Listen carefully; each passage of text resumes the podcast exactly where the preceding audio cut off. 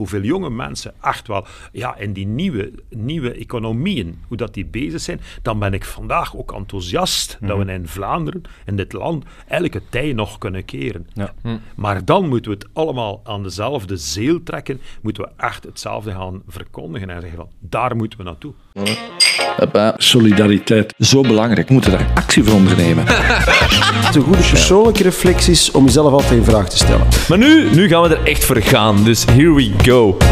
Welkom bij een nieuwe aflevering van Discours met de Boys. We zijn er vandaag met niemand minder dan Hans Maartens, gedelegeerd bestuurder van eh, VOCA.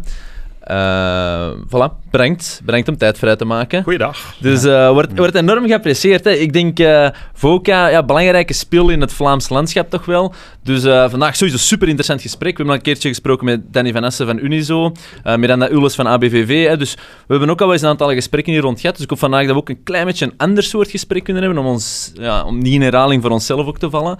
Ja. Maar maak het eens zo interessant, denk ik. Hè. Inderdaad, Dus, ik zie er naar uit. Ja, voilà. Merci, Super, merci. heel tof. Voordat we beginnen doen we ook altijd een eh, klein chingisje met eh, Jake Daniels Honey. Ooit al eh, gedronken? Eh, ja, zeker ja. Jack Daniels Ah. Honey ook? Eh, nee, dat niet, nee. nee. Oh, Gaat je een slokje Dus- doen of niet? Nee, dat is voor Oh. na het interview, ja. oké, oké, geen probleem. Oké, ça va. Alright. Ehm, Misschien even voor te beginnen, want ik vermoed dat niet iedereen eh VOCA zal kennen. Misschien in het kort even eh, wat de kernmissie of, of, of eh, bezigheden zijn. Zeker graag eh VOCA voorstellen. VOCA is een eh, Vlaams netwerk van ondernemingen. Wij hebben in ons netwerk 18.000 leden in Vlaanderen die lid zijn. Eh 18.000 leden die ongeveer goed zijn voor het 70% van de export, meer dan 70% van de toegevoegde waarde. En wat doen wij voor die bedrijven? Ten eerste brengen wij die bedrijven allemaal samen in netwerken, tientallen netwerken per dag, waar ze elkaar ontmoeten, andere bedrijven ontmoeten, maar ook politici, internationale contacten, netwerken eh puur sang.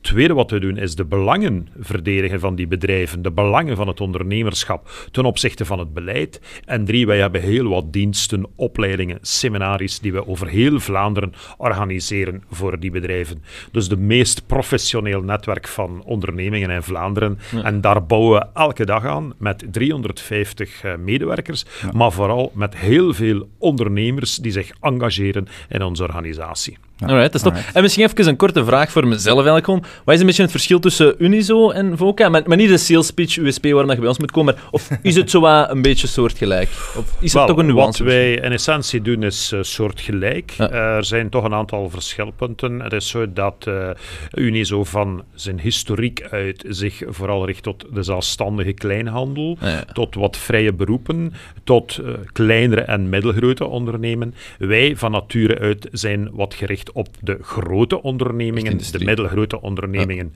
Ehm, de Unizo is vooral B2C, naar de klant toe, naar de consument toe. Onze bedrijven zijn meer B2B, business Ja, to business. Ja. Maar dat betekent niet dat er bij VOCA geen B2C zit. Ja, ja, dat betekent er niet is dat er bij Unizo... Maar gro- grotendeels, laten we zeggen, is er een marktsegmentatie tussen Unizo en VOCA.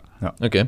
Goed, nee, ik denk eh, we kunnen zoals altijd heel veel kanten uitgaan. Eh, maar wa- wa- wa- wat, zeker wel interessant is vandaag, hè, er eh, zijn meerdere crisissen nu die elkaar opvolgen, waarin dat toch altijd de werkgevers zeker ook altijd in, in de picture komen, zij het positief, negatief of met uitdagingen of met oplossingen.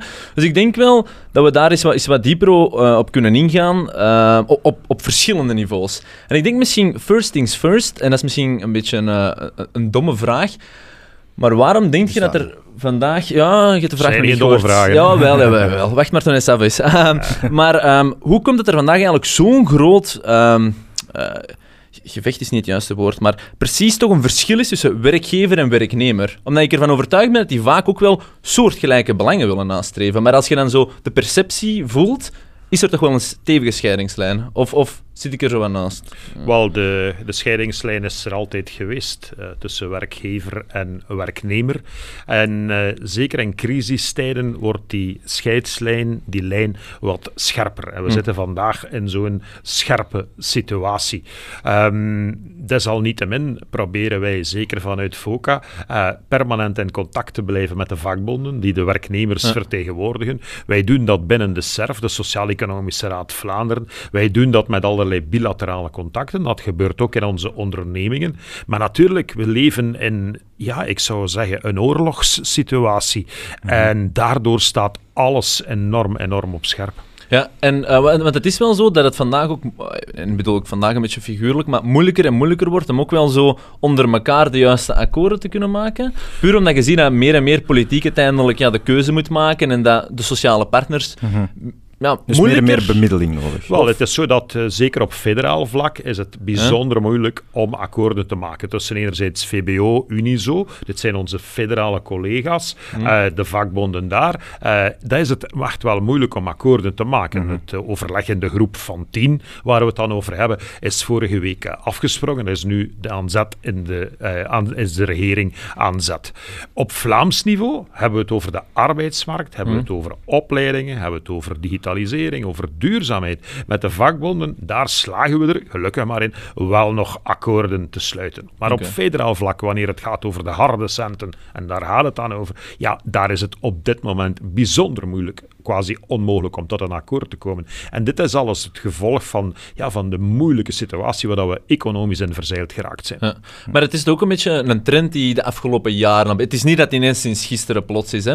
Is, er, is er een reden waarom dat die een trend zich zo wat meer is beginnen zetten? Of, of is dat maar een illusie? Want die kan ernaast zitten. Hè. Nee, de trend is eh, eigenlijk al wat langer bezig. Zeker op federaal vlak, dat het moeilijker is om tot akkoorden te komen. Op Vlaams vlak, eh binnen Vlaanderen, binnen de SERF is het iets makkelijker. Het zijn vaak iets dossiers ehm, of iets globalere dossiers. Dus daar loopt het op dit moment het sociaal overleg wel nog vrij behoorlijk. Aan de federale kant is het enorm moeilijk. Natuurlijk, eh, ja, je ziet, eh, de spanning is daar te snijden en, en dit is door vele factoren zo. Je merkt ook een, grote tegen, een groot onderscheid tussen enerzijds de Franstalige vleugels van onze vakbonden ten opzichte van de Vlaamse vleugels. De Franstalige vleugels zijn veel militanter, worden ook opgejaagd door een partij als de PTB. Dus wij voelen die spanning eh, al jaren toenemen en die gaat er in de huidige situatie niet op verminderen. En is het dan vaak een gevolg van korte termijn versus lange termijn denken? Is daar misschien dat veel frictie zeker, zeker en vast. In die zin eh, waar we naartoe moeten om, Ja. om, om uit deze crisis te geraken. Ja. Maar we hebben echt wel nood aan een nieuw pact, een nieuw plan in, in dit land. Eh, Mhm. Tussen de sociale partners, vakbonden, werkgevers, regeringen. Een, een nieuw pact. Hoe gaan we in de toekomst om? Hoe gaan we uit deze crisis geraken? Maar wat zijn dan ja, de, de, de plannen, de doelen die we hebben voor de komende 10, 20 jaar? En zoals er net na de Tweede Wereldoorlog een groot plan gemaakt is eh, in 1945, het Pact voor de Sociale Zekerheid, gaan we echt nu moeten komen tot een nieuw pact. Maar daar zal iedereen zichzelf echt wel moeten overstijgen. Dat zal veel informele contacten vragen. Dat zal veel overtuigingskracht vergen. Maar ik ben er persoonlijk van overtuigd dat we echt wel nood gaan hebben aan een nieuw pact, een nieuw plan, waar we, eh, ja, laten we zeggen, de arbeidsrelaties van morgen, het werk van morgen, onze bedrijven van morgen, dat we daar die willen gaan organiseren. En eh, misschien, eh, wa- wat kan dat zo wat inhouden? Of wat zijn belangrijke elementen, of om dat wat concreter te Eh, het pact eh, zal, er moet het, zal bijvoorbeeld leiden van het werk van vandaag is niet meer het werk van 10 jaar, 20, 30 jaar terug. Onze economie flexibiliseert. Onze bedrijven worden steeds meer en meer flexibel. Dat betekent ook dat uw arbeid veel flexibeler wordt. Dus dat betekent dat je een nieuwe reglement, regelgeving zult nodig hebben rond flexibiliteit. Ja. Een tweede zaak is wat we al tien jaar niet uitgeraken, is de pensioenleeftijd. Ja. We zullen iedereen nodig hebben. Waarom? Omdat we demografisch een verjonging hebben, eh, een veroudering hebben van onze vergrijzing van onze bevolking. We hebben onvoldoende jongeren. Dat betekent langer werken. 82 op 100 zeker. Hè? Was het niet 82 op 100? eh? 82 op 100. Dus dit zijn realiteiten waar dat we moeten rekening mee houden. Als er vandaag de mensen die tussen de 60 en de 67 jaar zijn, die gaan in de komende zeven jaar uit de arbeidsmarkt stromen. Als dat er 100 zijn, dan moeten die vervangen worden door mensen tussen 18 en, 85, eh, 18 en 25. Dat zijn er vandaag maar 82. Je zit daar met een onevenwicht. Die, Ja, zaken, die zaken gaan we echt moeten discussiëren met de vakbonden en de regering. En een pensioenhervorming, zoals die recent door de regering De Croo is voorgesteld, dit is geen pensioenhervorming, dit is een beetje een vervorming van het pensioenstelsel. Dit zijn halve oplossingen die niks bijdragen. Maar we moeten echt durven naar het fundamenteel debat gaan over onze arbeidsmarkt. Uh, hoe gaan we die de werkstellingsgraad naar, naar 80% brengen? Want dit, is, dit is de sleutel op onze sociale zekerheid. Dit is de sleutel voor welvaart en welzijn van onze bevolking. Ja, want uh, inderdaad, die, die werkzaamheidsgraad, en je ziet wel dat die in Vlaanderen iets hoger ligt. Uh, maar ja, federaal gezien dan, of gewoon binnen België, ja, hebben we toch nog wel wat, wat dingen te doen, en ook binnen Vlaanderen.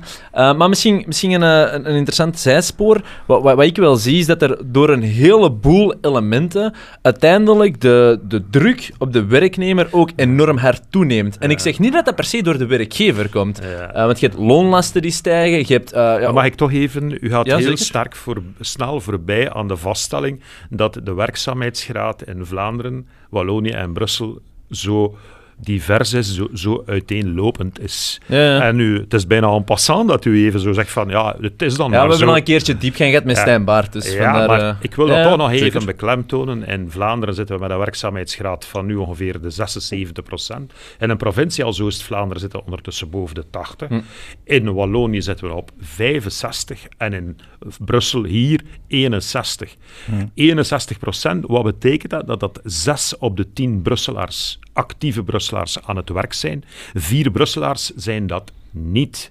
En dus in die zin, we zitten vandaag met drie verschillende arbeidsmarkten. Je hebt een Vlaamse arbeidsmarkt die gebukt gaat onder krapte. Je hebt een Waalse arbeidsmarkt en je hebt een Brusselse arbeidsmarkt. En het beleid dat nu federaal gevoerd wordt, is een eenheidsworst, is een salami-worst, waar die eigenlijk niet opgaat voor de drie entiteiten, voor de drie regio's. En ook daar zullen weer fundamentele hervormingen nodig zijn om onze arbeidsmarktbeleid af te stemmen op maat van de gewesten van Vlaanderen, Brussel en Wallonië. Maar nu antwoord ik graag op uw vraag. Ehm, nee, nee, nee, maar als je er wat dieper op wilt ingaan, dan vind ik dat wel interessant. Want hoe, hoe ziet je dan die, ehm, ja, die drie verschillende elementen plaatsvinden? Omdat ik zie er ook wel een gevaar in natuurlijk, in te hard, te selectief te gaan zijn. Langs de andere kant, je moet ook ja, problemen selectief aanpakken, want anders heeft het ook geen zin. hè. Ehm, Dus in die zin, wat, als we in Vlaanderen de krapte op de arbeidsmarkt willen aanpakken, dan hebben we eigenlijk een beleid nodig dat één, alle werkzoekenden die er nu nog zijn, dat we die maximaal activeren. ja. Absoluut. Twee, moeten we alle niet-actieven, want er zijn nog heel veel niet-actieve mensen, eh, moeten we die ook opnieuw aan het werk krijgen. Drie, moeten we zoeken naar interregionale mobiliteit. Dat is de schuiven met Vla- eh, Walen, Brusselaars die naar Vlaanderen komen werken en vice versa. En vier, gaan we ooit het debat van de migratie niet kunnen ontlopen. Nu, wat betekent dat heel concreet? In een krappe arbeidsmarkt, dan, hebben we, dan willen, willen we werken aan de reïntegratie van mensen die langdurig ziek zijn. Waarom? We zitten in, vandaag in een systeem, ofwel is het 0 of 1. Je bent ziek of je bent Ja, niet ziek. ja. En er is daar niks tussen. Nee, Terwijl inderdaad. iedereen, ook minister Frank van den Broeke, is ervan overtuigd dat ja, sommige mensen, wanneer het verantwoord is, laat dat duidelijk is, wanneer het verantwoord is, dat die terug aan het werk kunnen, gedeeltelijk, Ja. of in een andere job. Goed, daar is nu een reïntegratiebeleid vooruitgetekend. Dat beleid is eigenlijk gericht naar Vlaanderen toe. Waarom? Wij hebben een krapte.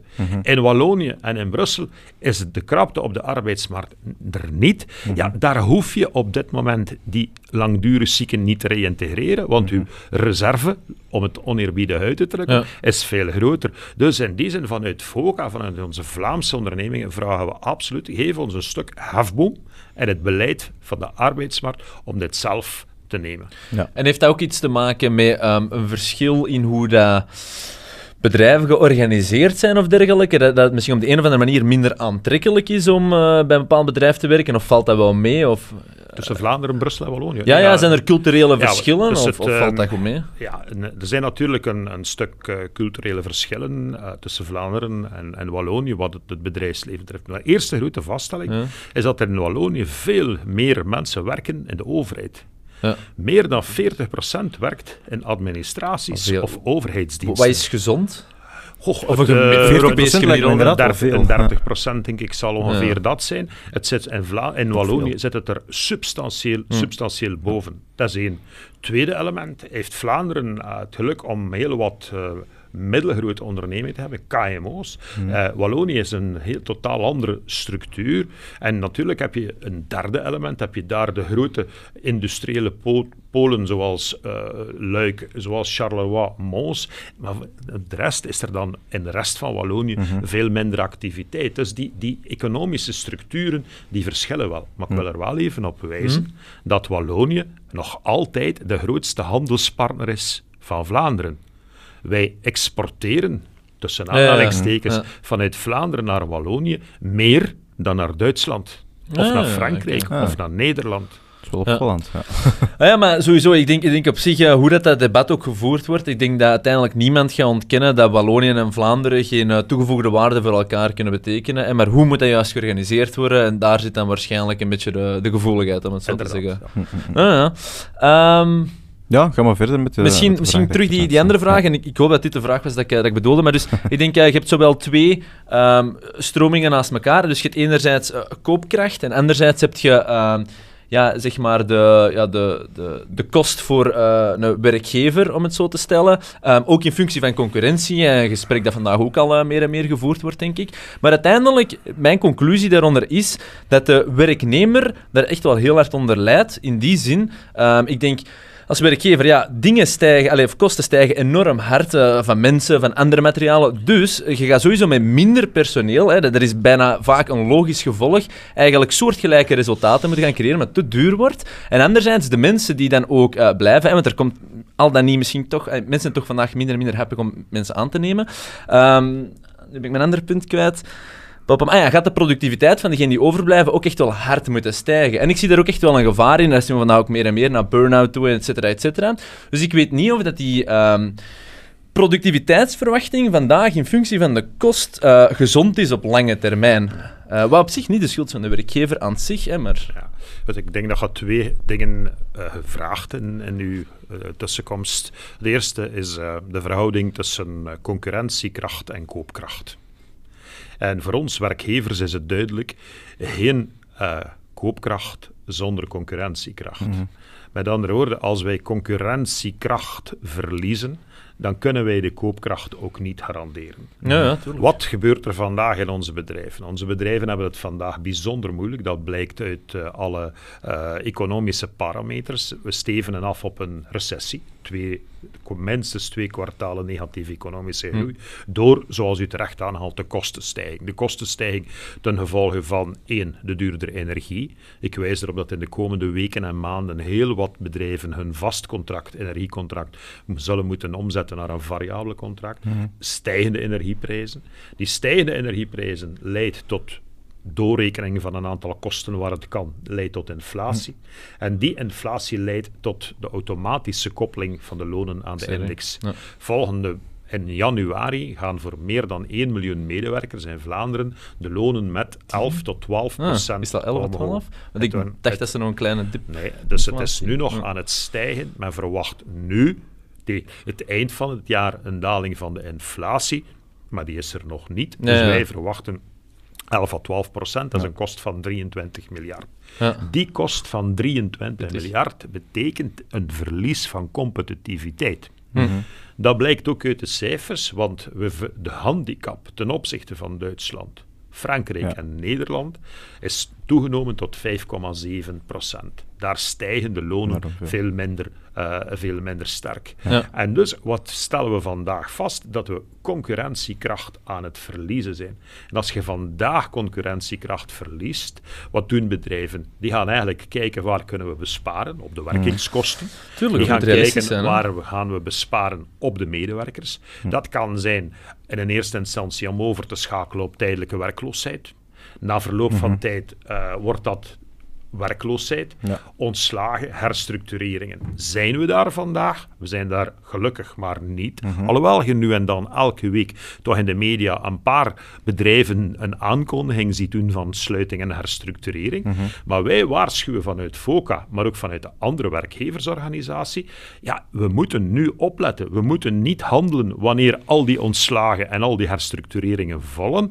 We moeten dat eigenlijk nu doen. Ja. En nu moet er gehandeld worden. Vandaar dat wij al langer pleiten van, ja, wij moeten iets doen. En dat is dan weer dat voorwerp van dat nieuw sociaal pact dat we moeten vinden. Ja, er moet iets gebeuren aan die automatische koppeling van de lonen aan de index. Ja. We zijn in Europa, zijn er nog drie landen die dat kennen. Dat is Luxemburg, daar wil ik mij nog mee vergelijken. Daar heeft men het al aangepast. En dat is Malta. Maar met Malta, ja, dit is niet onze, dat is niet onze grootste concurrent op de markt. Ja. Dus met Malta willen we ons niet vergelijken. Dus daar nogmaals, we gaan, zullen moeten gaan ooit, en dat zal nog een tijd duren, maar we zullen echt wel moeten gaan tot een nieuw pact, een nieuw evenwicht, een nieuw groeipact. Ja. Hoe kunnen we onze economie op een duurzame, gezonde, maar ook gedeelde manier laten groeien?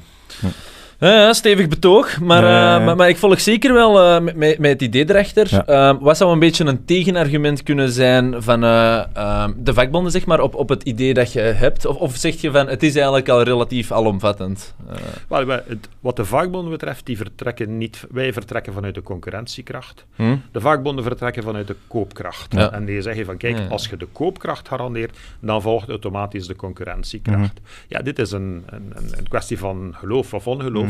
Eh, wij geloven dit, dit niet. Wij denken van, we moeten eerst onze economie, onze bedrijven vrijwaren. Ja. En twee, wij moeten samenschrijven aan een groeiverhaal. Wij hebben met dit gehuis, met FOCA, in 2020 een plan neergeschreven om te zeggen van kijk, hoe kunnen we opnieuw gaan groeien, midden in de corona, niet weten dat deze zware crisis eraan kwam, maar hoe kunnen we opnieuw gaan groeien? En het plan samen groeien. En toen hebben we gezegd van kijk, eigenlijk moeten we gaan naar een, gedeel, naar een duurzame groei.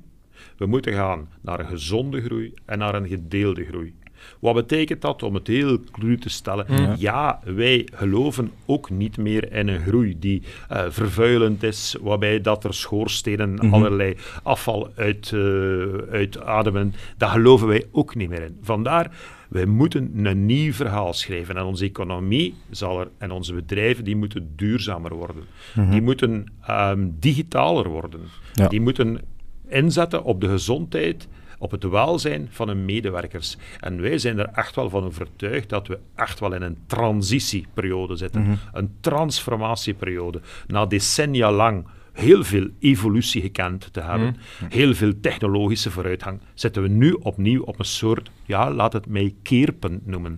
Een maar- keerpunt in de economie. En dan zie je, het gaat allemaal digitaler, het gaat duurzamer, veel meer aandacht voor gezondheid en welzijn, preventie en dergelijke dingen. Ja, maar dat zijn ook allemaal complexe dingen, want die vragen op de een of andere manier ook allemaal wel geld om ze goed te kunnen installeren. Hè, In zo'n overgangsperiode moet je wel kunnen investeren, noemt dat dan, hè, maar dan moeten er wel bepaalde overschotten in zekere mate zijn om dat te kunnen Ja. doen. Eh, want anders En blijven met investeringen worden dan weer uitgesteld, dus langs de ene kant. hè. Maar dus, er zijn daarbij twee vaststellingen. Ehm, de eerste vaststelling is dat ehm, een bedrijf moet, is genoodzaakt om winst te maken. Sowieso. Winst dat je voor een stuk, voor een stuk uitkeert aan de aandeelhouder die het risico neemt om te ondernemen of te investeren. Maar die winst wordt eigenlijk ook gebruikt om opnieuw te investeren. En die investeringen, dat zijn eigenlijk de jobs van morgen.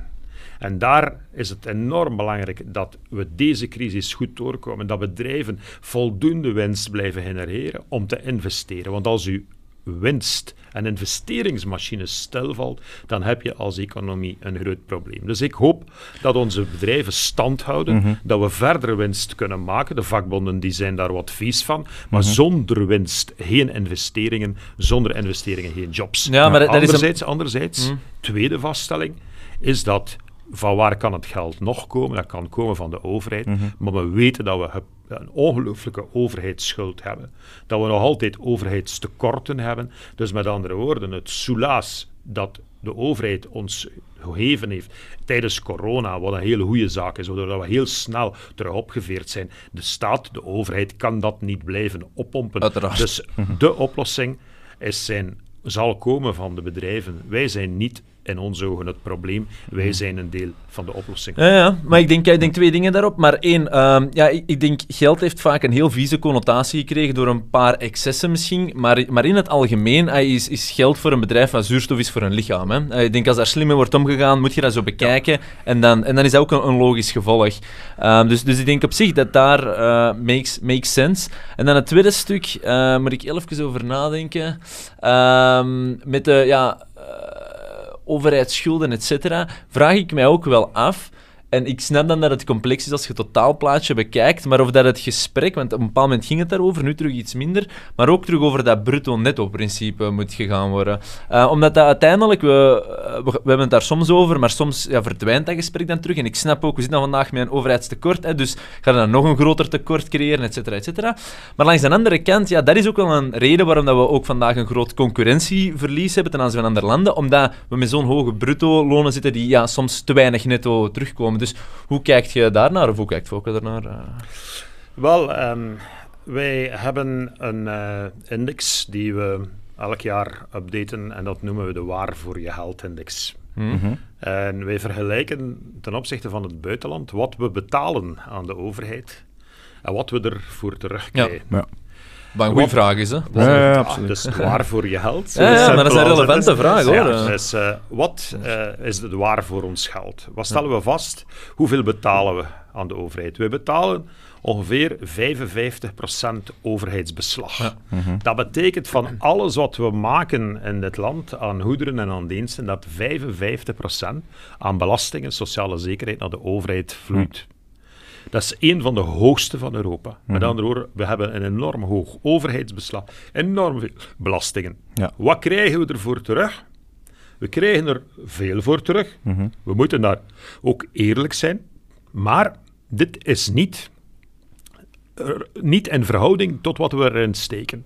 Ja. Integendeel, ehm, we krijgen eigenlijk de middelmaat terug. En in sommige aspecten zien we dat de kwaliteit van wat we krijgen achteruit gaat. Denk maar aan het onderwijs. Met andere woorden, we zitten in dit land met een heel groot overheidsbeslag, enerzijds, en anderzijds eigenlijk te weinig waar voor ons geld. Goed, dat is één element. Het tweede element, ja, het verschil tussen bruto en netto is bijzonder hoog. Waarom? Omdat de overheid eigenlijk een heel duur apparaat moet financieren. We krijgen daar wel wat voor terug. Gezondheidszorg en Sociale onderwijs, zekerheid is ja, sociale heel goed, misschien soms Ja. te goed. Hè? Soms te goed. Maar dit betekent een enorm bruto-netto verschil. Waardoor dat het voor sommige mensen eigenlijk niet zo lonend meer is om aan het werk te gaan. Ja, werk met meer loon. hè. Vandaar dat werk veel meer moet lonen. En als we die werkzaamheidsgraad willen optellen naar 80%, om heel het systeem gesmeerd te laten lopen, ja, dan gaan we iets moeten doen aan het verschil tussen loon, bruto en netto. En is de vraag van wie moet het dan betalen? Ja, we zullen een aantal dingen fundamenteel moeten hervormen. De overheid zal zich de vraag moeten stellen van moeten wij al die taken wel doen? Ja, debat, het kerntakendebat. Beetje- Hebben we niet te veel overheid? Hebben we niet te veel lagen in onze Een beetje het land ook als een bedrijf bezien. Hè? Want moest België nu, hè, het land België, een bedrijf zijn, waren we toch al jaren failliet, zou ik zeggen. Eh, dan eh, spreken wij niet meer over NV België, dan is het gewoon failliet en Ah, staat voilà. het niet meer. Exact? Dus Ja. in die zin, ja, we moeten een aantal zaken beschouwen als een bedrijf. Laat het mij noemen, een sociaal Ja, ja. bedrijf. Ja, ja. Want Menselijk een, overheid ja. heeft ook wel sociale Andere taken, eh, herverdelingstaken. Daar zijn wij absoluut niet tegen. Integendeel, vandaar dat wij in onze uitgangspunten zeggen, de nieuwe groei die gaat ook moeten gedeeld zijn. Ja. En hier eh, een naïeve vraag van mezelf misschien. Ik heb ze nog eens een paar keer eh, gesteld in het verleden, maar nooit een bevredigend antwoord gekregen. Maar hoe komt het dan? Maar het is te simplistisch, dus daar zit waarschijnlijk mijn fout. Maar dat bijvoorbeeld dan vakbond en ja, werk, of werknemer, werkgeversorganisaties eigenlijk niet samen eh, ja, wat druk zetten op het politiek bestel dan. Omdat ze uiteindelijk een soortgelijk doen. Want welke werkgever en werknemer wil niet dat netto-lonen iets eh, harder stijgen in functie daarvan? En dat komt iedereen aan ten goede. Behalve natuurlijk komt je weer bij die overheidsschuld, wat dan eh, daar in functie van misschien een negatief gegeven is. Hoe komt dat? Ehm, het is ooit gelukt hè. in de jaren 80 en de jaren, eh, eh, de jaren na de Tweede Wereldoorlog. Ook in de jaren 80 zijn er allerlei akkoorden gesloten. Eh, recent ook nog hoor. Maar dus in die zin, het kan. Het kan. Alleen, wat is er vandaag het geval? Dat ondernemersorganisaties, vakbonden, dat wij elk te veel elk gefocust zijn op onze terecht op onze achterban. Ja. Voor de een zijn dat ondernemingen, voor de ander zijn dat medewerkers, zijn dat leden. Ik denk dat we ooit aan de publieke opinie zullen moeten zeggen, en dat zijn zowel de vakbondsleden als de ondernemers, hoe het ervoor staat en dat we echt in gezamenlijke kracht in gezamenlijke kracht ooit gaan moeten komen tot een groot nieuw akkoord eh, om dit land en onze economie Is, dan, is het dan eigenlijk ook een beetje zo per ongeluk verdwaald geraakt? En niet, eh, niet per se volledig, maar toch eh, een, een lichte vorm ervan. In de particratie, ja, commentaar dat eigenlijk de politiek ook krijgt, maar dan eigenlijk zich doorvertaalt toch hier ook? Ja, ik denk dat wij vandaag verstrengeld zijn in al onze structuren. En dat zijn politieke structuren, dat zijn overlegstructuren, adviesorganen, eh, you name it. We hebben adviesorganen, overlegorganen, eh, we hebben eh, eh, publieke organen, we hebben democratische organen, maar we, we, we vinden het, het, ja, het, het bos door de bomen Nee. niet meer. Nee, ja. En dus in die zin, ja, we zijn eigenlijk een slachtoffer van een systeem. Vandaar dat we hebben over een kerntakendebat. Als je een kerntakendebat voert met de overheid, zul je ook moeten een overheid een debat vragen van hebben we al die structuren wel nodig? Zijn die structuren efficiënt? Zijn ze effectief? Die vraag mag je eigenlijk vandaag in dit land bijna niet stellen. De vraag naar zijn onze structuren efficiënt? Doen wij de juiste dingen, kerntaken of niet? En dat debat zal moeten gevoerd worden. Ja. Ja, ben ik akkoord mee. Eh, En wa- wat, is, wat is de reden waarom denk je dat het zo weinig wordt gevoerd? Wordt het ergens tegengehouden door de overheid dan? Of heeft dat een andere reden? quo. Ik denk dat vandaag. ehm, het, het is een, in mijn ogen een sluipend gif. Mhm. Ehm, als we kijken naar. ehm, dit land komt in beweging bij grote crisissen of rampen. En ik stel het met eh, wat maagpijn Mhm. vast. Dus het, Heel reactief, wilt je Heel stellen. reactief. Ja. Wanneer reageert men wanneer de campussen steenkolen dichtgaan? Wanneer Renault Vilvoorde sluit? Mhm. Wanneer Caterpillar in Gosselies moet sluiten? Dan is er plots paniek Ja. aan boord. Ja, ja, ja. Dit zijn nu economische voorbeelden, maar dat is ook zo met de politiek. De politiek reageert reactief. Mhm. Eigenlijk, we zijn een land die het nog altijd goed heeft. Het gaat wel wat minder, maar het is het sluipend gif. Ja, ja, het is al een En symptoom aan het Het worden is een symptoom. Ja. En er zijn geen, allee, als er geen breuklijn is, als er geen crisis is, dan wordt er niet geageerd. Laat mij het, het, eh, het vergelijking maken met het onderwijs. Ehm, ons onderwijs, jammer genoeg, jammer genoeg, de kwaliteit daalt. Hm. Ehm, we hebben het moeite om de kwaliteit hoog te houden en het daalt jaar na jaar. En elk jaar komt het in de media. Elk jaar wordt het becommentarieerd, want er gaat 1 procentpuntje achteruit. Ja.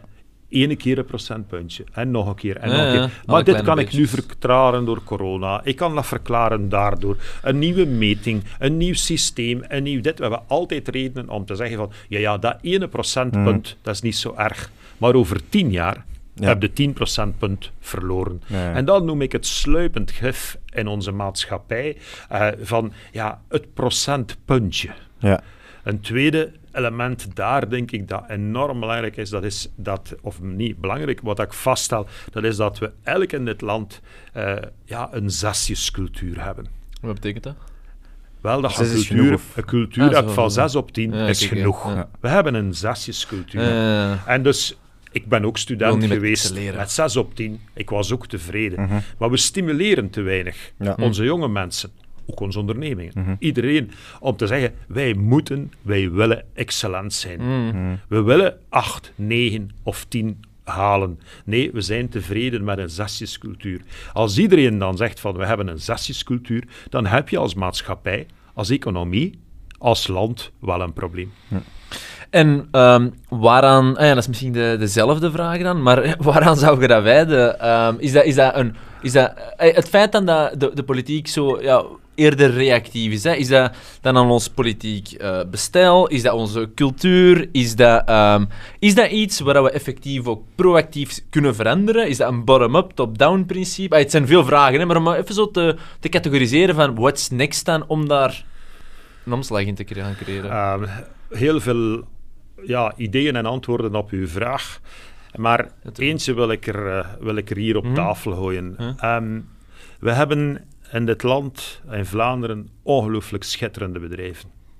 Bedrijven die Europees op wereldvlak aan de top staan. We noemen het de verborgen kampioenen, de hidden champions. Ze zijn echt kampioen in wat ze doen. Ze zijn kampioen door onderzoek en ontwikkeling, door technologische investeringen. Maar ze zijn ook verborgen, want we tonen ze niet. Ja. Ehm, ja, ze werken goed, heel goed, maar we zien, we zien ze te weinig. Omwille van het feit dat wij als ondernemingen ze te weinig naar buiten brengen, maar ook omdat er ja, een te weinig interesse is in wat we doen. Ooit hadden we in Vlaanderen Flanders Technology eh, en de, eh, International, een beurs, een heel concept om onze bedrijven in de kijker te werken. Ik ben blij dat de Vlaamse regering nu volgend jaar dit opnieuw oprakelt met een project Flanders Technology and Innovation. Tonen aan Vlaanderen wat we kunnen. Lef hebben. De moed hebben om te zeggen van kijk, dit is toptechnologie. Ja. Dit is wereldtechnologie. Maken, en vanuit die houding, vanuit Ja. die voorbeelden, moeten we echt een cultuur creëren waardoor dat we opnieuw willen excelleren om bij de top van Europa te behouden. Hm. Alleen als we nu zeggen in Vlaanderen van we willen tot de top van Europa behoren, nou, oei, oei, de top, de top schrikt af. Ja. Voor onze sportmensen, voor de Belgian Cats, voor de Rode Duivels, voor Remco Evenepoel en anderen, voor Wout van Aert, daar willen we de top wel bereiken. Maar we willen het niet bereiken in onze bedrijven, in onze ondernemingen. Vandaar dat ik een nieuw project van de Vlaamse regering, zoals Flanders Technology and Innovation, echt, juich toe, Ja. echt toejuich. En dat we ook vanuit, vanuit FOCA dit project echt gaan ondersteunen. Waarom? Om te laten zien hoe goed wij hier wel bezig zijn. Terug een beetje een de meest, zetten, de ja. meest duurzame staalfabriek met de minste CO2-uitstoot ter wereld staat in Zaalzaten. Ja. Maar niemand weet het.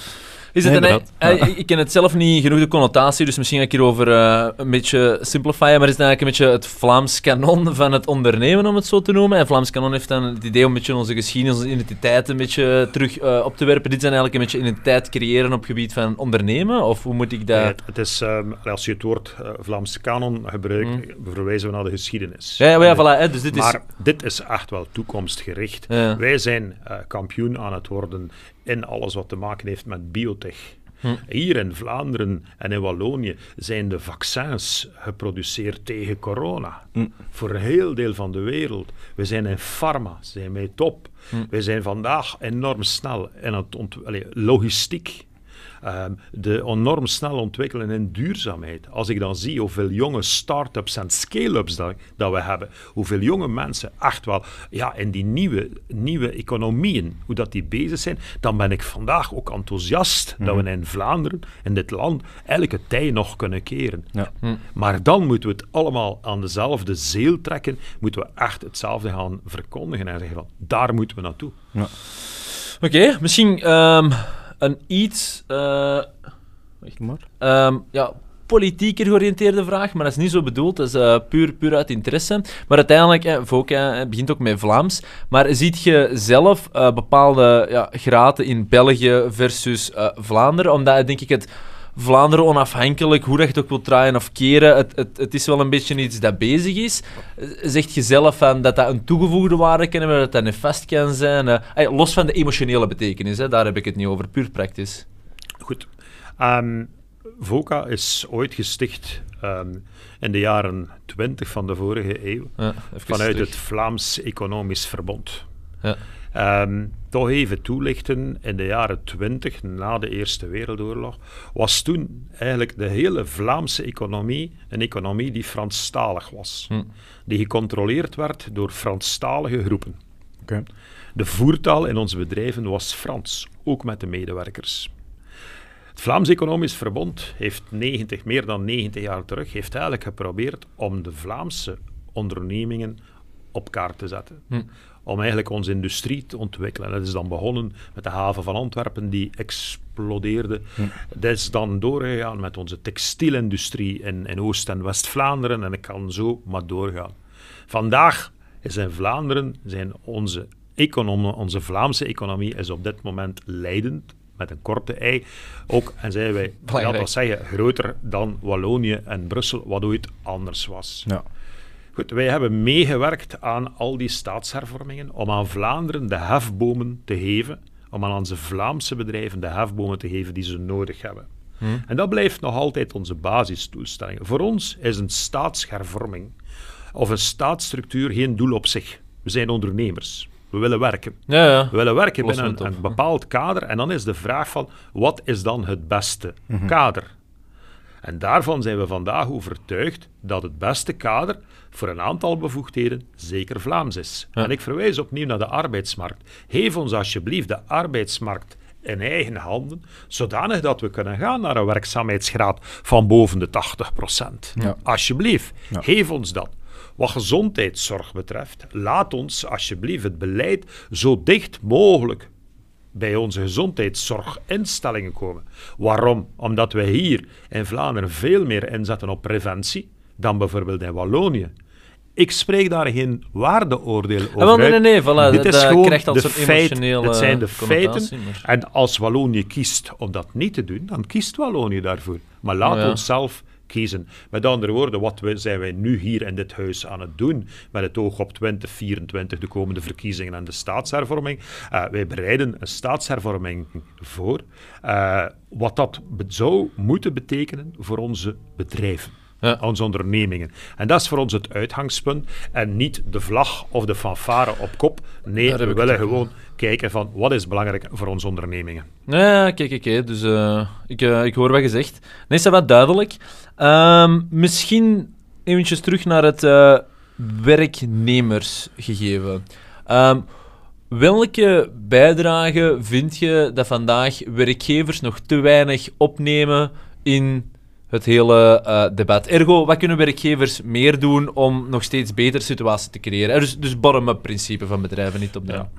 Ehm, ik kan je zeggen wat, wat ons ook bezighoudt. Huh? Ehm, is eigenlijk de hele situatie rond het mentaal welzijn van onze bevolking en het mentaal welzijn van onze medewerkers. Hm. We worden vandaag ja, geconfronteerd met toch heel wat medewerkers eh, met eh burn-out of beginnende symptomen. Een half miljoen of zoiets heb ik Wel, er is zo in Vlaanderen is er ongeveer een 300.000, eh 320.000 mensen die symptomen hebben van burn-out. Dit zijn niet mensen die Ah ja, kijk, uitgevallen zijn door burn-out, maar symptomen hebben. Ze flirten en- eigenlijk toch die, een beetje. Ja, en die ook te kennen geven, het is lastig, het, het gaat wat minder, Hm. maar ze zijn nog aan het werk. Eh, ook een 40 40.000 ondernemers die dat zeggen. Dat is eh, ook niet onbelangrijk. Dus in die zin, dit is toch wel iets dat ons, ons bezighoudt. Eh, en zoeken naar eh, verklaringen. En, en vooral dan kijken hoe kunnen we dat mentaal welzijn van onze medewerkers verbeteren. Want voor alle duidelijkheid, wij hebben er geen enkel belang bij. Integendeel, Ja, dat iemand niet. ziek thuis zit met een burn-out. We hebben alle handen nodig in Vlaanderen. De Ja, krapte op de arbeidsmarkt. Dus in, in die zin, wij doen daar alles aan, maar ook alles aan om die mensen aan het werk te houden en de goed, zo goed mogelijke omstandigheden.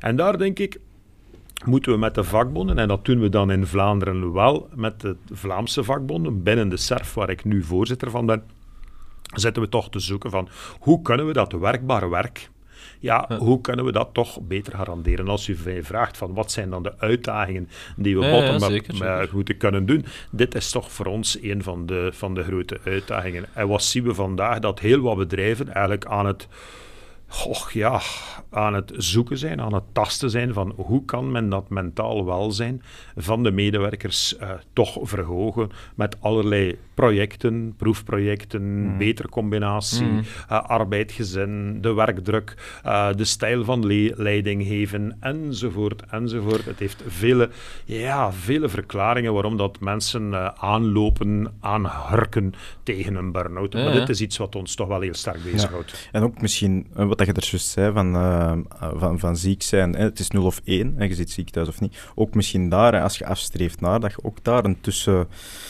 In in plaats van, hè, je bent lang ziek, je komt terug werken om daar een in- integreringsprogramma op te zetten, maar misschien ook een integreringsprogramma andersom dan. Eh, niet dat je het moet afbouwen naar ziek zijn dan, maar ik wil maar zeggen, om even tijdelijk die, Ja. die druk te verlichten, is Ja. er misschien zo'n ook Dus in, in oplossing. deze zin eh, even twee, twee elementen toch opnieuw in uw vraag. Ja. Eén, we zijn een groot voorstander, eh niet, eh, het is vandaag, ziekte is 0 of 1 in dit land.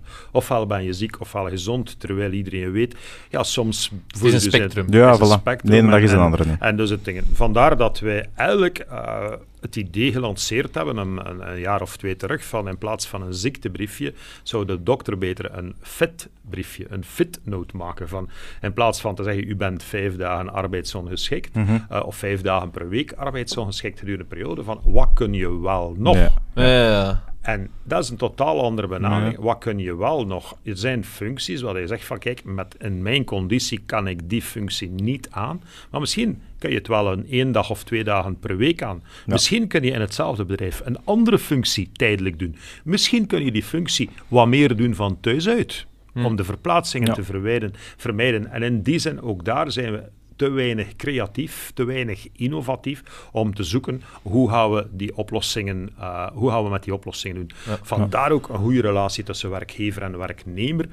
Trouwens, twee totaal verouderde woorden. Hè. Werkgever en werknemer. Net alsof Ja, de ene eh, werk heeft en de andere Ja. werk neemt. Dit is niet meer van deze Nee, nee, nee, maar die, die, dat wij zij denken op dat verhaal En, dat is wij en dus in die zin moeten we echt wel veel meer zoeken naar constante oplossingen. Om bijvoorbeeld ook iemand die het wat moeilijk heeft, om tijdelijk wat terug te eh, schroeven. Of op een andere functie, of tijdelijk op een Ja, andere functie. Dus en dat zijn de dingen die ons toch wel. Maar dat is wel bezig- voorgesteld geweest. zeg, dat, dat ja, ja, dus we zijn daar volop mee bezig. Er zijn ook heel veel proefprojecten die lopen Ja. eh, in onze bedrijven. Bedrijven kunnen ook gebruik maken bijvoorbeeld van een werkbaarheidscheck van de Vlaamse regering, waarbij dat men eigenlijk een stukje onderzoek kan doen, een stukje kan bekijken van hoe kunnen we dit hier eigenlijk verbeteren, hoe kunnen we de werkkwaliteit eh, ja, in ons bedrijf, in onze organisatie En- eh, opkrikken. Ja, En zijn er dan plannen om dat globaal, globaal niet, eh, in België volledig te, te lanceren? Dat, dat gegeven, want ik vind, het- ik vind het super interessant. eh, een probleem in Ja. België of in onze cultuur, ehm, dat we dat altijd willen globaliseren en voor iedereen toepassen. Ja, ja. Ehm, en dat werkt niet zo. Mhm. Het ene bedrijf is iets totaal anders dan het andere bedrijf. De Mhm. ene sector is anders dan het andere sector. Ja. En wij hebben toch een heilige schrik altijd om dat te veralgemenen voor iedereen. ja. Ehm, we hebben vandaag het hele recht op deconnectie. Hè? Eh, we, we mogen niet langer geconnecteerd zijn of 24 uur geconnecteerd Mhm. zijn. Ja, als u in een kritische sector zit en u bent ploegbaas, ja, als er iets verkeerd loopt in uw bedrijf, dan met deconnectie kom je niet ver. Ja. Als je een journalist bent, Hm. ja, dan En er gebeurt iets en- dan- ja. Mm. Dus in die zin, we proberen altijd alles te veralgemenen, terwijl dat je echt moet kijken van bedrijf tot bedrijf, van Mm. sector tot sector, Mm. en van individu tot Dus je individu. moet eigenlijk altijd een beetje keuzevrijheid laten. Laat om de het- keuzevrijheid, de mensen onder elkaar laat te laten dat onderhandelen. Als iemand ja. het moeilijk heeft en hij vraagt een week, een maand deconnectie, laat ons dat dan doen. Maar het is niet zo om de wetgever, ik ben graag Te veel top-down. gecon- geconnecteerd. Ja, de, Hmm. werk- de, werkgever, de wetgever moet mij niet opleggen dat ik mijn gsm niet meer mag Ja, ja. Ja, ik snap, ik snap de eh, ja, dissonantie. Misschien een, eh, een stoute vraag om een beetje tegenovergesteld ook te vragen. Van, kijk, ehm, de werkomstandigheden, zeker als we over België spreken, niet voor elk individueel geval, maar als je globale trends neemt, ja, in the rising. Hè. Ik denk op zich, eh, het, het wordt meer en meer leefbaar om te werken in bedrijven, omdat de omstandigheden beter en beter zijn. Ik denk dat we dat grosso modo kunnen concluderen. Zijn we misschien allemaal te zwak geworden? Mentaal, fysiek? Zijn we misschien allemaal wat lui? Durven we wat snel te roepen? Ik ken het niet meer aan? Of een beetje te, te vroeg op onze tenen te trappen, waar we vroeger iets noester eh, waren? En, we mogen ook de andere kant van de vraag eens vragen. Hè? Ja, dus je, je ziet, ehm, ik denk dat we vandaag, ehm, als we kijken naar het probleem van burn-out, dan, dan, Hmm. dan wordt er altijd alleen gekeken naar de kant van het werk en het bedrijf of de organisatie. Hmm. Eh, Ja. Er is ook altijd een, een, een privékant, persoonlijke kant. wordt vaak minder in rekening gehouden. Uh, of minder in rekening gebracht. Dus het probleem is complexer dan alleen het werk, de leidinggevende, de werkgever. Maar wat me wel opvalt, dat is dat we allemaal zo druk, zo druk, zo busy, busy, busy bezig zijn. En eigenlijk veel mensen komen in de loop van de week geen moment, geen moment tot rust. Ja. Uh, dit, dit interview is voor mij een rustmoment. Ja. Waarom? Omdat dit is een interview van een uur, wat ik op mijn gemak kan uitleggen wat ik moet doen. Hm. Een interview voor radio is normaal 30 seconden. Het moet erop zijn en opletten dat je niks verkeerd zet. De stress die daarmee gepaard gaat met die 30 seconden is groter dan het uur dat ik Ja. nu met Ja, jullie mag praten. Absoluut. En dat is niet alleen in dit interview zo, Mhm. maar we, worden, we zijn wat dat betreft we zijn enorm, ook privé, dus de mensen vinden onvoldoende rust en nemen ook onvoldoende rust. En in die zin, ook daar denk ik, ja, eh, corona heeft ons even erop gewezen. Want toen mochten we een tijd lang niet ons verplaatsen. Dan, moest, dan mocht iedereen nog gaan wandelen. En Ja. in mijn omgeving, iedereen was aan het wandelen. Hm. En iedereen die ik toen, dat is van zalig, om Ja. zeven uur s'avonds gaan wandelen. Even een uurtje. Ik zie vandaag Ja. niemand meer wandelen, behalve een aantal mensen met een hond. Die wandelen wel nog. Al de rest, die zie ik niet meer wandelen. Hm. En die rust die we even gehad hebben, tussen aanhalingstekens, want het was geen rust. nee, maar die periode die we even gehad hebben in corona. ja, En toen zei iedereen zei van, ja, maar ik ga verder blijven wandelen. Ik Ja, hou er niks van in huis gekomen. Want run, run, run, run, run.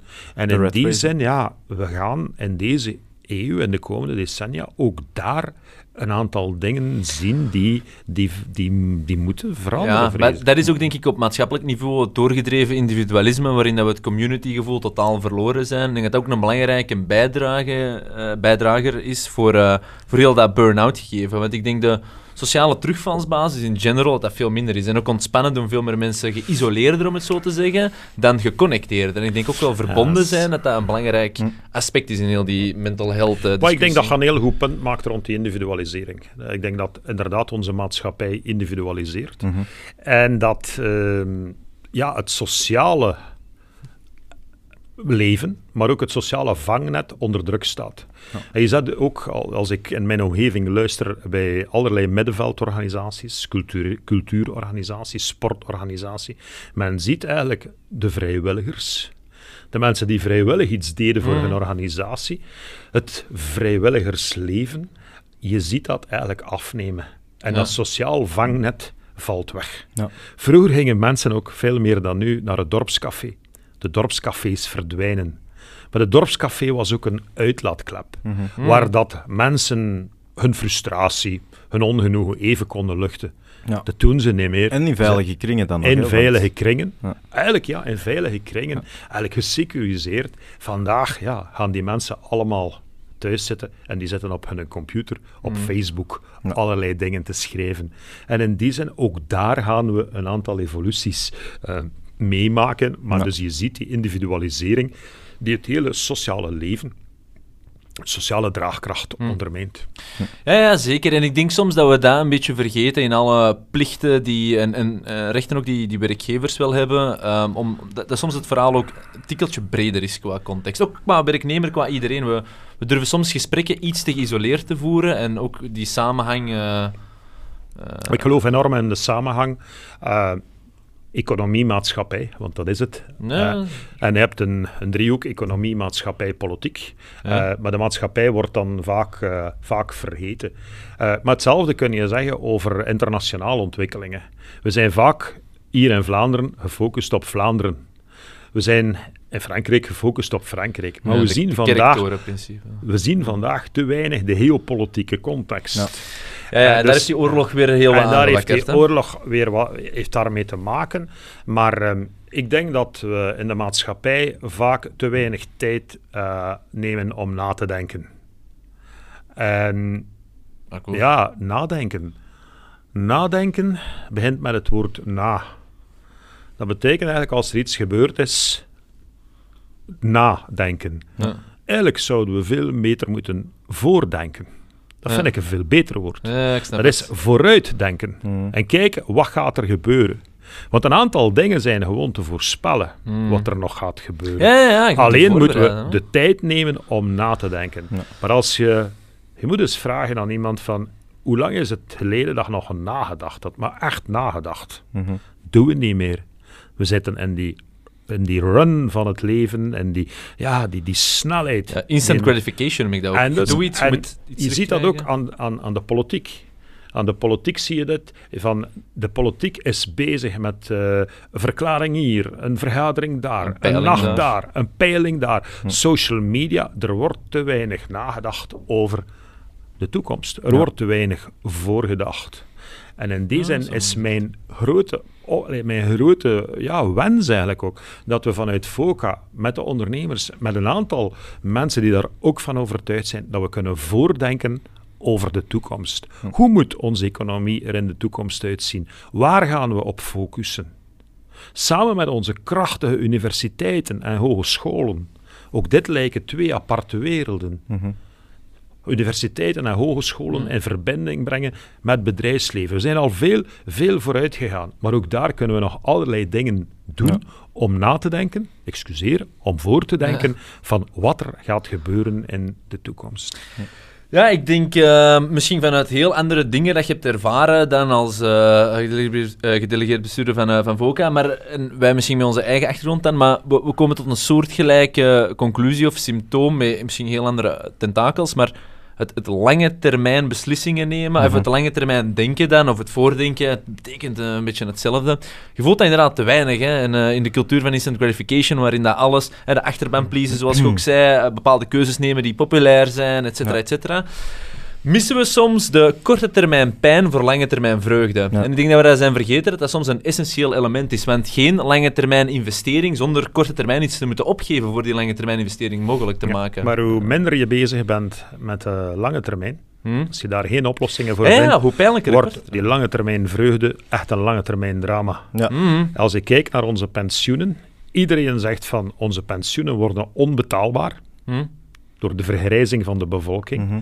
Maar we doen er eigenlijk niks aan. Behalve hier en daar een klein bootje wat draaien, een, eh, een vijs wat aandraaien, optimaliseren, wat optimaliseren. Maar we, we doen het gewoon Nee, niet. structureel verandert er niks. Structureel verandert er niet. En als je nalaat om structureel te hervormen, om je lange termijn niet aan te pakken, dan creëer je miserie voor onze kinderen, voor onze kleinkinderen. En vandaag, in de individualiseerde maatschappij, ja, kijken we vooral naar onze generatie, mijn generatie, uw generatie, maar niet naar de toekomstige generaties die het gaan moeten doen. En dat lange termijn denken, denk ik, moeten we ook opnieuw introduceren eh, in het maatschappelijk debat, ook in de media. Want de media die zijn ook echt wel heel, heel kort, kort, kort bezig. Eh, moeten we opnieuw introduceren aan onze universiteiten, in ons beleid, in onze politiek en in onze bedrijven. De beste bedrijven die ik ontmoet, en ik ontmoet er toch heel veel, zijn degenen die een duidelijke strategie hebben. Een visie en een missie. En een duidelijke lange termijn strategie. Die weten waar ze over vijf jaar of tien jaar willen staan. En dat is nog niet zozeer in omzet en EBITDA en winst, maar die weten wel van hoe gaat die Nou ja, markt waar hieruit, naartoe, hè? waar Ja, ja. En dit, ja, dit mis ik dan een beetje in ons land, van waar gaan we naartoe? Ja, ja, nee, nee, nee. dat Misschien een beetje een aansluitende vraag daarop. Dat is al een deels een antwoord dat je hebt gegeven, maar eh, we steven af op die recessie. Ehm, misschien een vraagje voor de bedrijven dan. Wat is de top drie tips dat je kunt geven om je beste wapen of te beschermen op die recessie waar dat we op, werk- op afstijgen? als bedrijf dan. Als bedrijf, ja. Maar het, eh, dat is natuurlijk een, eh, een, een hele moeilijke, Moeilijk. omdat Ja, het ook ja. een hele concrete vraag Absoluut. is. Uiteindelijk, als ik kijk naar de bedrijfsvoering, ja, wat moet je doen? Eh, maken dat je je kosten zoveel mogelijk onder controle hebt.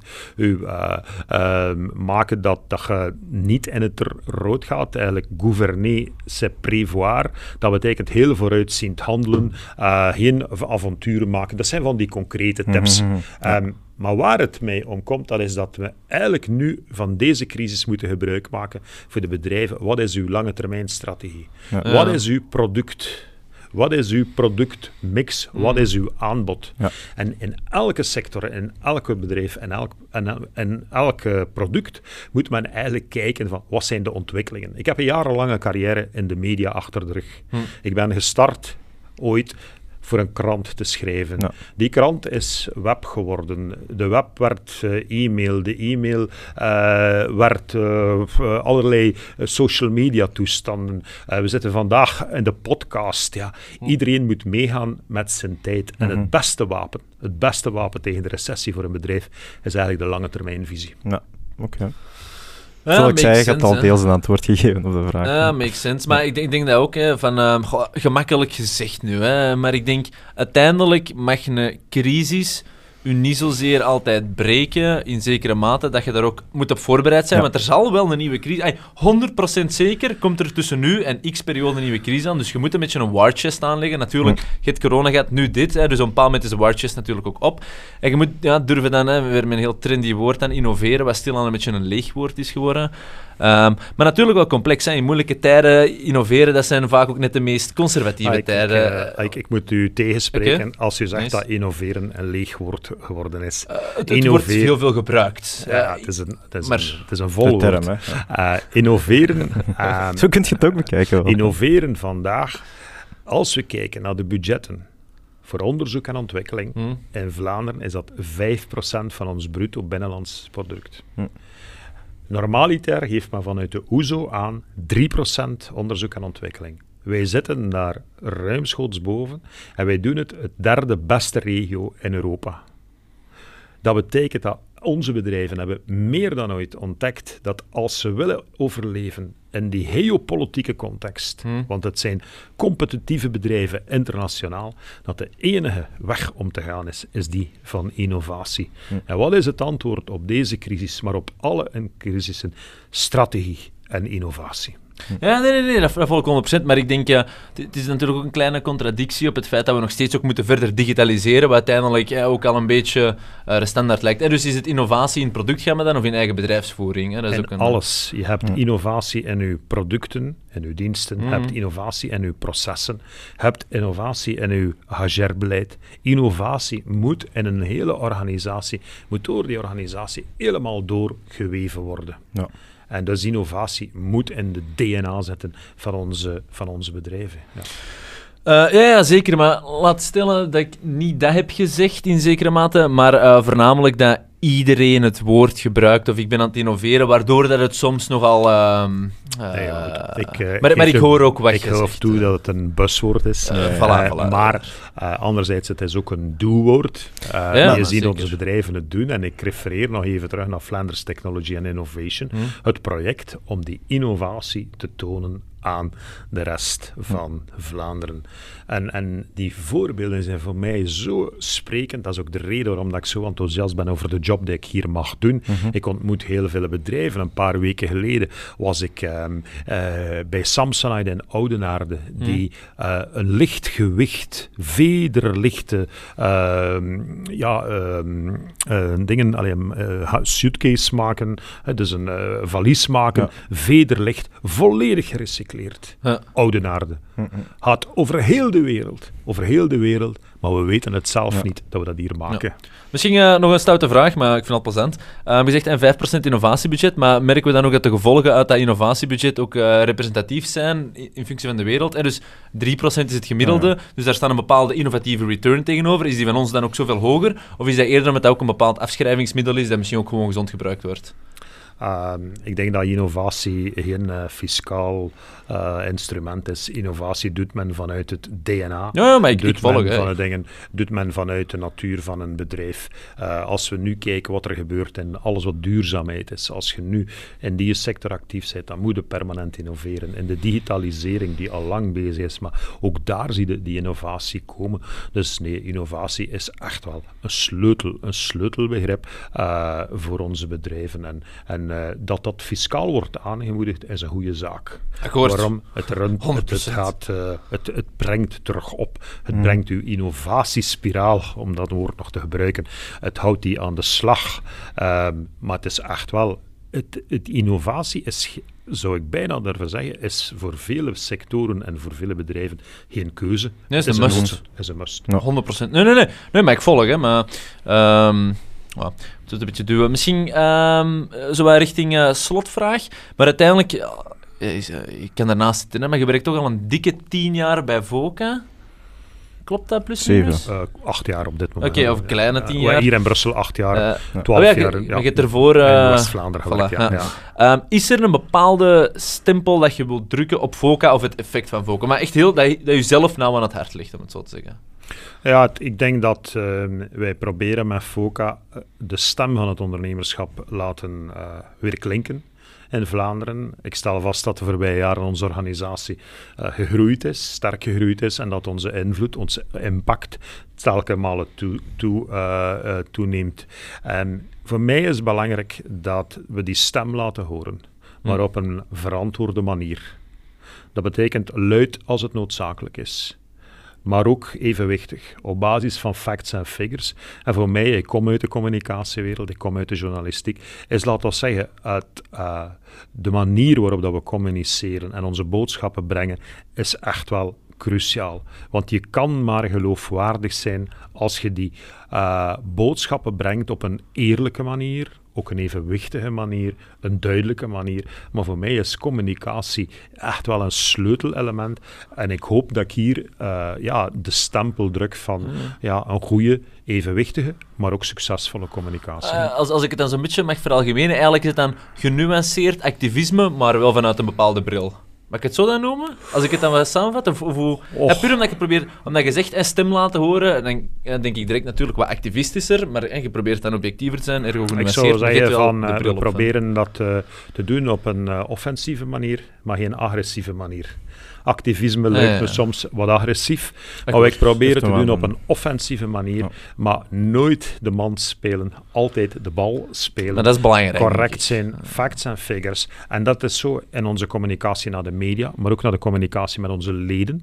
En eh, de communicatie met de politici, met ministers, met partijen. eh, laten we zeggen, een serieus ontwikkelen, Ja. gebaseerd op facts en figures, maar ook heel duidelijk zijn. En ik denk dat ik in dit uur gesprek ook over een aantal thema's heel duidelijk geweest ben, zonder iemand aan te vallen, zonder Zeker, eh, vast. allerlei eh, woorden te gebruiken, waardoor dat... eh, ja, eh, bepaalde polarisatie organisaties- in de hand werkt eh, zonder dus doel. die polarisatie in de hand Mhm. werkt. Dus, Ja, eh, Daar zijn wij ook radicaal tegen.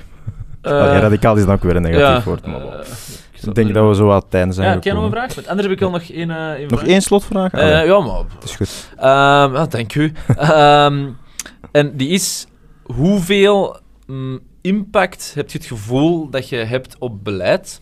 En uiteindelijk, je, bent een ad- je hebt een, voornamelijk een adviserende rol zeg maar, hè, binnen het politiek bestel, kun je het dan zo noemen. Maar merk je dat er echt een, eh, een gezonde wisselwerking is? En indien ja, hoe komt dan dat, dat lange termijn denken er toch moeilijk in te duwen is? Wel, ehm, voor ons is het vooral te maken met, we willen als ondernemersorganisatie relevant zijn, Hm? een relevante stem hebben en impact creëren. Het ogenblik dat deze organisatie niet meer relevant en geen impact meer is, dan, dan is de rol van mij, maar ook van vele collega's uitgespeeld. Hm. Dus we zijn er echt van overtuigd dat we die impact kunnen creëren.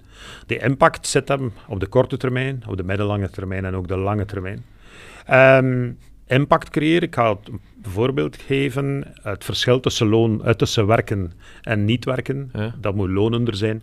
Wij hebben vanuit dit huis de jobbonus, de Vlaamse jobbonus, ingestoken. Dit is een idee dat wij ontwikkeld hebben en uiteindelijk in de regeringsverklaring in Jan Bon gekomen is en een paar maanden terug geïnstalleerd is. Hm.